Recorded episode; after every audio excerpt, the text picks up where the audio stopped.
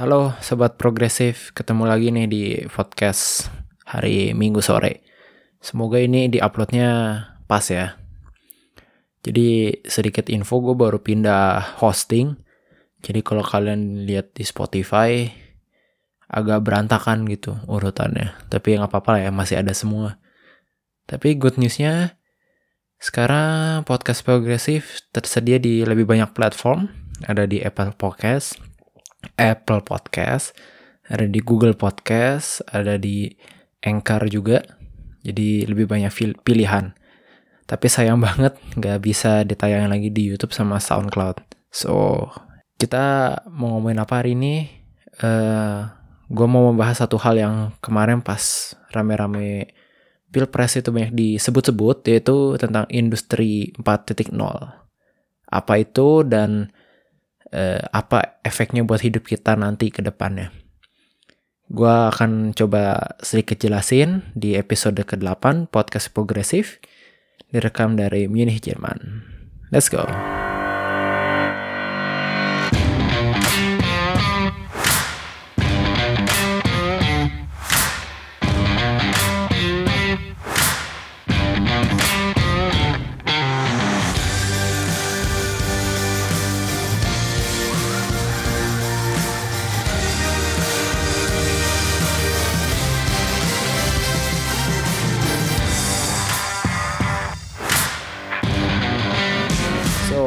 Jadi gue kali ini sendirian aja. Dan nah uh, eh, gue udah siapin satu episode juga sama temen gue tapi uh, sayangnya ada kendala sibuk ya biasa. Jadi nanti gue bakal episode selanjutnya collab sama temen gue yang punya uh, punya podcast juga. So jadi apa sih sebenarnya industri 4.0 uh, sebenarnya itu melambangkan uh, revolusi industri yang keempat istilah industri 4.0 itu pertama kali dikenalkan di Jerman di Hannover Fair itu sekitar tahun 2011-2012. Kenapa dinamakan industri revolusi industri yang keempat? Karena ini uh, ada sebuah prognose, ada sebuah uh, apa ya, semacam studi kalau nanti di ke depannya kita bakal semua industri bakal mengarah ke cara kerja yang seperti ini. Sebelumnya gue mau jelasin dulu revolusi industri 1, 2, 3-nya apa. Nah, revolusi industri 1 itu pada saat pertama kali tuh si Mr. James Watt menemukan mesin uap. Jadi yang dulunya semua pakai kerja tangan bisa dengan membakar uh, me, menghang, mempan, apa, mendidihkan air, menghasilkan uap dan uap itu memutar mesin turbin. Jadinya pekerja manusia lebih mudah dan produksi barang juga lebih cepat karena bisa pakai mesin uap. Nah, yang kedua itu penggunaan uh, mass production atau penggunaan listrik. Jadi semua mesin itu nggak pakai mesin uap tapi langsung pakai motor dinamo yang digerakkan sama listrik. Listriknya dari mana? Ya kebanyakan masih dari uap. Uh, uapnya itu biasanya hasil dari pembakaran air, eh pem pendidihan air airnya dididihin pakai pembakaran. Biasanya kalau zaman dulu masih pakai batu bara atau bensin. Nah, revolusi industri ketiga itu adanya di awal tahun 2000-an atau 90 akhir. Nah, itu menggunakan komputer di mana semuanya udah bisa diprogram sama manusia dan mesinnya udah tinggal jalan aja.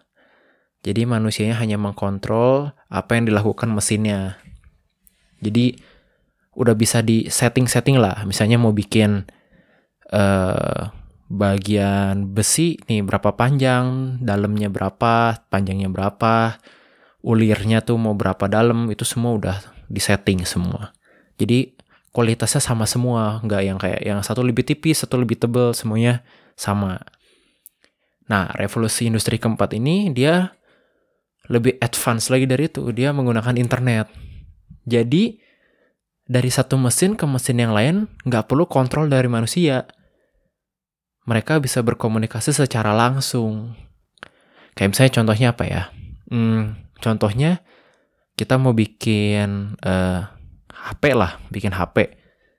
Nah, dari mesin yang bikin apa body casing, terus bikin prosesor HP-nya, dia tuh bisa konekin satu sama lain kayak, eh, ini gue baru beresin satu casing HP nih, terus dia komunikasi sama mesin selanjutnya, lu pasangin ya uh, mesinnya, terus yang bagian robot masang mesinnya, oke, okay. Terus dia pasang mesinnya, terus dia, eh, udah gue pasang mesinnya nih, terus dia ngomong ke yang bagian pasang LCD-nya, nih bikin ya LCD-nya ya, terus yang bagian LCD-nya bilang oke okay, siap. Jadi semua prosesnya otomatis. Manusia sebenarnya udah lagi nggak udah nggak perlu lagi untuk mengkontrol itu semua kecuali paling update software, update apa. Tapi sisanya tinggal quality check aja. Kalaupun misalnya oh bahannya kurang, dia bisa kirim signal ke robot yang ada di uh, apa di, di gudang untuk bilang eh coba kirimin gue uh, part yang ini lagi dong kurang. Dan jadi bisa bisa juga gitu nggak perlu manusia sama sekali. Nah itu revolusi industri 4.0 tuh kayak gitu. Jadi benda mati bisa saling berkomunikasi. Nah pertanyaannya uh, banyak ya pasti tentu banyak pertanyaannya. Pertama mungkin kayak gimana nih caranya emang gimana caranya uh, mesin berkomunikasi gitu. Ya caranya adalah dengan membuat satu sistem yang uh, memungkinkan mereka itu punya bahasa yang sama gitu. Yaitu misalnya kayak setiap HP nih yang mau dibuat itu mereka dikasih kode masing-masing nah kodenya ini di generate dibuat sama mesin yang pertama misalnya kayak yang bikin casingnya. Nah, udah gitu, jadi setiap kali mereka berkomunikasi, mereka berkomunikasi bukan kayak HP A, HP B, tapi dengan nomor kode yang unik. Jadi si HP yang nomor satu tuh misalnya 1, 2, 3, A, B, C, D, E, F gitu. Nah, untuk setiap uh, untuk setiap prosesnya namanya bakal ditambahin contohnya. Misalnya nomor uh, nama HP-nya tuh tadi gue per persingkat lah ya. Misalnya nama HP yang pertama itu ABC. Nah, kalau dia udah melewati proses A, eh proses D, namanya jadi ABCD. Nah, nanti proses selanjutnya ABCDE. Jadi namanya makin panjang gitu. Nah, sebelum si mesin F ini melakukan tugasnya, saya contohnya tadi pasang LCD, nah dia tuh bakal ngecek ini namanya komplit nggak? ABCDE kalau nggak komplit dia bakal berhenti. Dia bakal kayak oh ini namanya salah. Misalnya jadi A B D E. C-nya kelewat. Berarti nggak cocok gitu. Nah kalau udah A B C D E oh F-nya bakal masukin. Ada kemungkinan juga F-nya mungkin salah ngitung. Kayak sebenarnya A B C D belum ada E-nya tapi dia tetap pasangin Nah, tapi kan si proses ngeceknya ini kan dilakukan sama setiap mesin. Jadinya kemungkinan kesalahannya tuh sedikit. Jadi kalau misalnya sekali kelewat, mungkin mesin selanjutnya bisa ngedetect gitu. Nah, itu yang membuat uh, si mesin ini bisa membuat hasilnya itu kualitasnya tetap bagus. Proses bicaranya kurang lebih kayak gitulah. Diprogram sedemikian rupa supaya sebelum melanjutkan ke tingkat selanjutnya, di proses selanjutnya tuh selalu ada pengecekan-pengecekan sebelumnya. Tentu pengecekannya uh, parameternya nggak se nggak semudah cuman ABCD ya. Pasti dibikin ribet supaya nggak bisa dihack. Nah, ribetnya segimana sih sampai nggak bisa dihack? Nah, kita masuk aja ke satu teknologi yang uh, mungkin dari 2008-2009 itu mulai terkenal ya, yaitu kripto uh, apa te teknologi blockchain. Nah, tarik nafas dulu. blockchain ini adalah teknologi yang seperti yang gue bilang tadi. Kalau lu mau mengubah sebuah benda, lu harus mengubah rentetan-rentetan itu tadi. Jadi misalnya gini, kayak, oh kayaknya untuk HP ini gue nggak nggak perlu B deh, B-nya gue ilangin aja. Nah, tapi kalau B-nya lo ilangin kan nanti error. Kayak yang untuk ke mesin F, mesin G-nya dia nggak mau jalan. Kalau lu mau mengubah B-nya, lu harus mengubah semua rentetannya. Jadi kayak lu desain ulang untuk HP merek eh, apa ya Nokia gitu. Eh, perlu rangkaiannya misalnya awalnya A B C D E E F. Nah, kalau lu mau ubah, ya lu harus ubah semua rangkaiannya. Jadi nggak bisa kayak lu cuman ubah buat satu HP, lu harus ubah. Misalnya, oke, okay, mulai sekarang lu nggak perlu B, tapi cuma tinggal A, C, D, E, F. Nah, itu uh, cuma bisa lu rubah kalau misalnya lu tahu rangkaiannya C, D, E, F-nya gitu. Sementara kalau misalnya di teknologi blockchain, si C, D, E, F-nya itu tuh random numbers. Kayak lu nggak tahu what comes next. Abis C belum tentu namanya D. Bisa aja tiba-tiba di random jadi K. Tapi mesinnya itu ngerti sebenarnya itu K itu sebenarnya D gitu. Kayak dia bisa uh, membaca sendiri. Pusing nggak? Cuma intinya gitu. Jadinya uh, pertama blockchain itu uh, mempersulit untuk orang memanipulasi. Kalau lu manipulasi satu proses, lu harus mem mengubah semua prosesnya supaya itu sesuai dengan harapan lu. Karena kalau enggak, mereka udah punya guideline tertentu. Dan kalau nggak sesuai sama guideline-nya, mereka bakal tolak. Nah, pemprosesan identifikasinya gitu, bukan cuma yang gampang kita bisa tentukan kayak C, D, E, F. Tapi saya contohnya di kripto apa di ini ya Bitcoin contohnya. Bitcoin itu dia identifikasinya itu pakai setahu gua 256 uh, ini 256 karakter tapi alfanumerik. Jadi alfanumerik itu A sampai Z capital letter sama uh, huruf besar huruf kecil dan 0 sampai 9. Jadi lu bayangin aja tuh kemungkinannya untuk menemukan uh, urutan selanjutnya itu apa? Itu 256 dipangkatin huruf berapa tuh? 26 kali 2 karena ada huruf kecil huruf besar 52 ditambah angka ada 10 kan 0 sampai 9. Jadi 256 pangkat 62. Itu kemungkinannya banyak banget. Jadi nggak mungkin orang bisa dengan mudah mengganti-ganti selanjutnya apa, selanjutnya apa dan itu yang mencegah uh, hacking. Itu yang menceg yang membuat kenapa sebenarnya dari sistem komputer uh, teknologi blockchain ini adalah satu hal yang aman. Disebut blockchain kenapa? Karena ya itu tadi mereka saling berkaitan dari A habis B. Eh dari A ke B B ke C C ke D D ke E E ke F. Nah itu lumayan ya. Jadi kita uh, tarik nafas dulu IoT, eh sorry, uh, industri 4.0, man, uh, mesin berbicara dengan masing-masing, dan mereka punya bahasa mereka sendiri, dan mereka punya struktur untuk mencegah kesalahan. Salah satunya itu dijalankan dengan namanya blockchain teknologi. Nah, teknologinya ini mereka mencegah juga pemalsuan dengan cara ya setiap rentetan uh, proses itu dikasih kode unik. Seunik apa? Ya uh, seunik random dari 256 pangkat 62. Uh, ya kemungkinannya gitu. Sampai bisa ketemulah uh, si proses ini namanya apa. Nah, kan udah pusing kan? Nah, terus kayak terus emang gunanya apa gitu? Kenapa setiap uh, ini kita pen, perlunya apa? Kenapa penting? Kayak gini deh contohnya hmm, petani kopi. Ini udah ada nih ya udah ada kejadian aslinya. Jadi petani kopi itu uh, sering banget dirugikan karena misalnya gini dia punya kualitasnya bagus. Terus begitu masuk distributor harganya dinaikin dua kali lipat. Sementara misalnya dia cuma dapat satu dolar satu karung misalnya contohnya.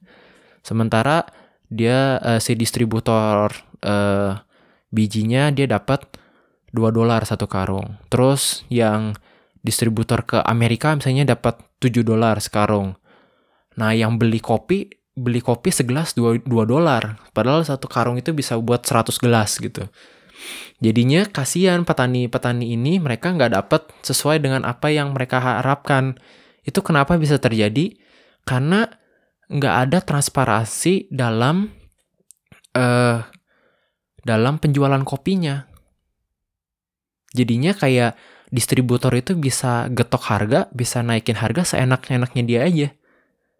dengan teknologi blockchain ini, setiap proses dari mulai penanaman sampai panen, sampai distributor A, distributor C, D, sampai sampai ke toko, itu semuanya transparan dengan harga berapa, harga pasarnya pada saat itu berapa. Jadinya bisa dicek, semua orang bisa cek ini kopi yang kita minum dari gelas ini udah melewati berapa distributor dengan harga berapa dan sampai ke far, uh, sampai kita bisa juga ngecek ini dicek di dari ladang mana dan juga siapa yang nanem. Jadi itu uh, membuat transparansi.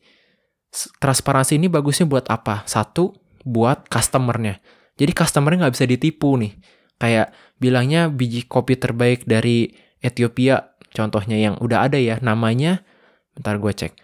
Uh, Moye. Moye Coffee. Coba cari aja M-O-Y-E-E. -E.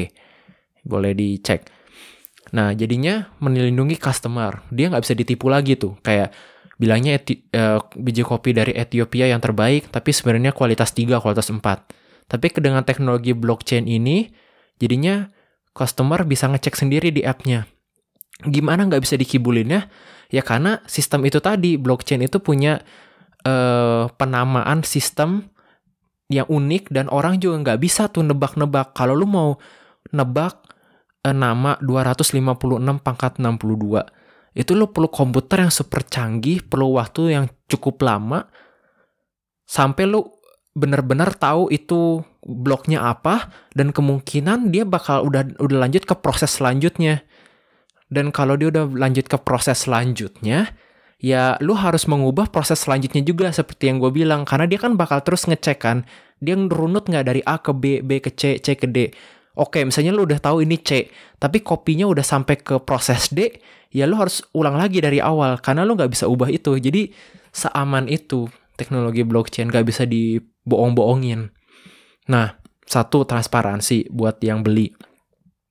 Kedua, yang eh, kredibilitas buat yang jual kopinya buat jadi dia bisa buktiin dengan gampang loh kayak iya gua gua jualan kopinya jujur kok nggak kayak yang sebelah ngaku-ngaku gini nggak ada buktinya apa-apa gue bisa buka dengan app dengan data nih lo kalau nggak mau nggak percaya lo cek sendiri pak kita pakai teknologi blockchain langsung ke petaninya gitu dan petaninya kita bayar dengan harga yang layak karena kan juga tentang fair trade ini kan juga satu hal yang lagi in ya. Mas gimana kayak kita membayar orang-orang yang petani dari ya notabene negara berkembang atau negara dunia ketiga itu dengan harga yang fair walaupun gitu.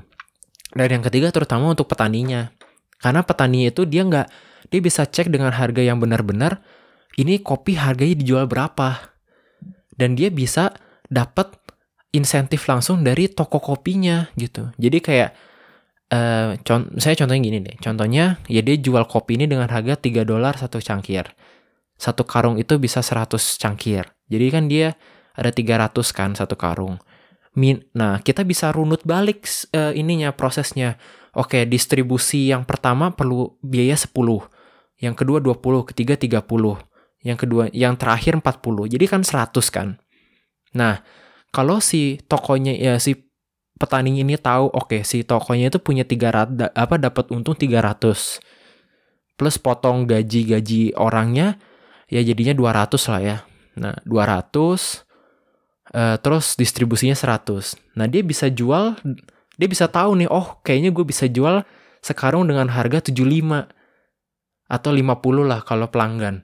Dibanding yang tadi gue bilang tadi misalnya dia dijual cuma 3 dolar satu karung gitu. Jadinya sangat jadi si uh, yang yang nanamnya pun tahu gitu. Si yang belinya tuh dapat untung berapa dan dia punya bargaining power uh, bargaining power yang lebih. Jadi dia bisa kayak eh kan lu kan jualnya harganya segitu. Masa gue cuma dapat segini? Kan kalau selama sekarang kan nggak jelas gitu. Ini kopinya nyampe mana? Apakah kopinya cuma nyampe di kedai kopi biasa, warung kopi, apakah Starbucks kan nggak ada yang tahu gitu. Nah, dengan adanya blockchain ini semua transparan, semua bisa dirunut balik, dan prosesnya nggak bisa dibohong-bohongin. Dan ini sangat mem memudahkan petani-petani yang uh, ya mereka nggak tahu harga pasar dan mereka biasanya dibohong-bohongin sama uh, pengepul kayak gitu. Jadinya mereka bisa dapat lebih banyak mungkin 20-25 kali lipat. Tapi ini masih pilot project dan kemungkinan ke depannya bakal terus dikembangin. Terus jadinya apa nih uh, yang bisa dikembangin di Indonesia?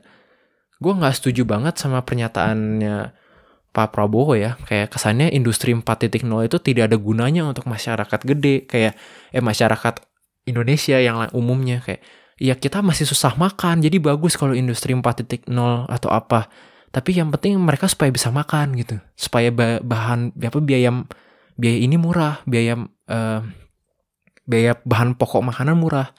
Ya justru dengan pengembangan industri 4.0 ini justru malah bisa mempercepat dan mempe, menye, uh, menyejahterakan petaninya gitu. Pertama kita bisa ong, uh, oh, potong ongkos uh, pencatatan, ongkos administrasi yang panjang, tinggal lihat ke sistem informasi aja dan itu menurut estimasi si Moye Coffee ini tuh lumayan tinggi, lumayan hampir 10-15% dari biaya seluruh produksi kopi. Ini contoh dia kan kopi ya. Ya sama lah berarti harusnya kurang lebih komoditas yang padi, jagung kurang lebih 10% gitu. Jadi harganya lebih bisa dimurahin 10%.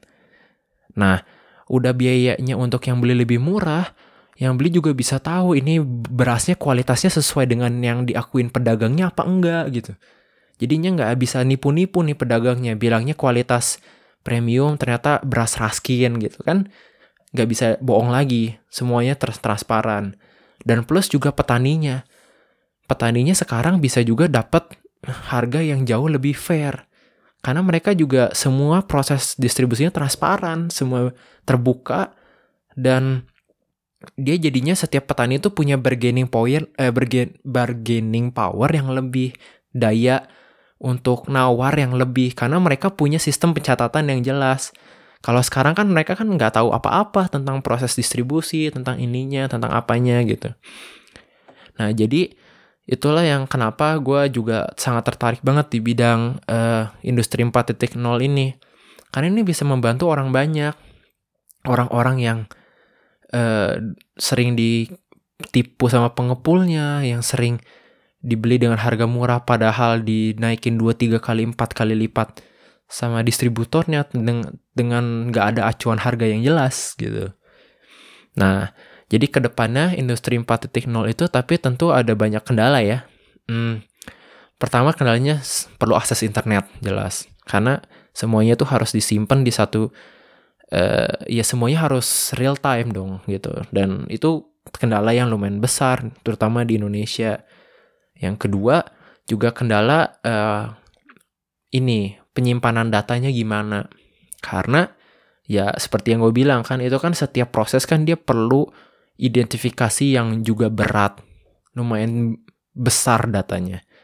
Nah, pengelolaan yang disebut dengan big data ini, data yang masuk untuk setiap transaksi itu ribuan jutaan per menit. Jadi kita perlu satu sistem, eh perlu infrastruktur IT yang memadai untuk memproses data itu. Dan yang juga terakhir adalah eh, ininya masyarakatnya itu harus diajarin juga gimana cara pakai teknologi ini. Jangan sampai malah udah ada teknologi ini orang malas belajar, orang gak mau berubah. Jadinya eh, bukannya membawa kebaikan malah dianya tetap stuck gitu. Ini kan banyak kejadian ya, banyak yang kayak contohnya kemarin tukang ojek pangkalan nggak nggak ngerti cara pakai app ojol, ojek online, jadinya kayak tetap aja di situ. Padahal yang lain udah dapat pendapatan 10-12 juta sebulan dia mas tetap aja gitu cuma sekedar untuk hidup doang ngepas-ngepas doang karena dia nggak mau belajar jadi menurut gue tantangan ke depannya dengan uh, masa depan yang lumayan menjanjikan ini dengan teknologi ini uh, kita perlu juga sih selain membangun infrastruktur membangun daya apa ya semangat belajar dari orang-orang Indonesia-nya bahwa eh ini tuh teknologi ada bukan buat menjatuhkan kalian loh. Teknologi ini tuh ada untuk membantu kalian. Teknologi ini tuh bukan untuk merebut pekerjaan kalian loh. Justru ini memudahkan pekerjaan kalian. Jadi kalian bisa fokus mem mengerjakan atau belajar ke hal-hal yang nggak bisa digantikan dengan mesin gitu. Jadi um, itu tadi narasi-narasi yang disebutin kalau misalnya teknologi dan manusia tidak bisa berjalan seiringan itu harus dihapus.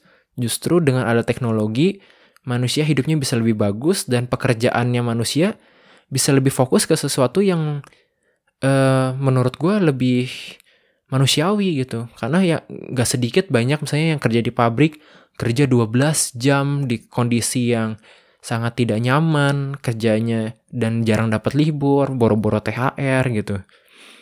Dan yang kayak gini-gini, teknologi yang kayak gini tuh harus diterima dengan terbuka. Kita ambil yang bagusnya, kita buang yang buruknya. Jangan alergi sama teknologi baru. Oke ya, jadi ini lumayan berat podcastnya tentang industri 4.0 tapi gue harap kalian ada sedikit pencerahan tentang apa itu industri 4.0 dan apa itu gunanya buat kehidupan kita masing-masing. Dan kalau ada yang tertarik untuk research lagi ke bidang situ, seneng banget gue. Kalau bisa juga uh, diperdalam terus. Atau kalau ada yang mau invest di bidang IT, wah ini menjanjikan banget. Oke, udah. Uh, eh, gue rasa segitu aja cukup. Dan jangan lupa podcast progresif tiap minggu, minggu sore, Uh, dan juga ada seri Out of the Box. mungkin setiap Rabu atau Kamis. Gue nggak nggak selalu uh, up to date yang ini, tapi selalu ada Minggu sore. Dan bisa kalian dengerin di lebih banyak platform lagi sekarang. Ada Spotify, ada Apple Podcast, Google Podcast, ada ada juga um, Anchor. Tapi sayangnya SoundCloud dan YouTube harus berhenti sejenak Mungkin nanti gue ketemu lagi caranya gimana. Tapi eh, gue harap kalian terus jadi orang-orang yang progresif. Generasi yang progresif.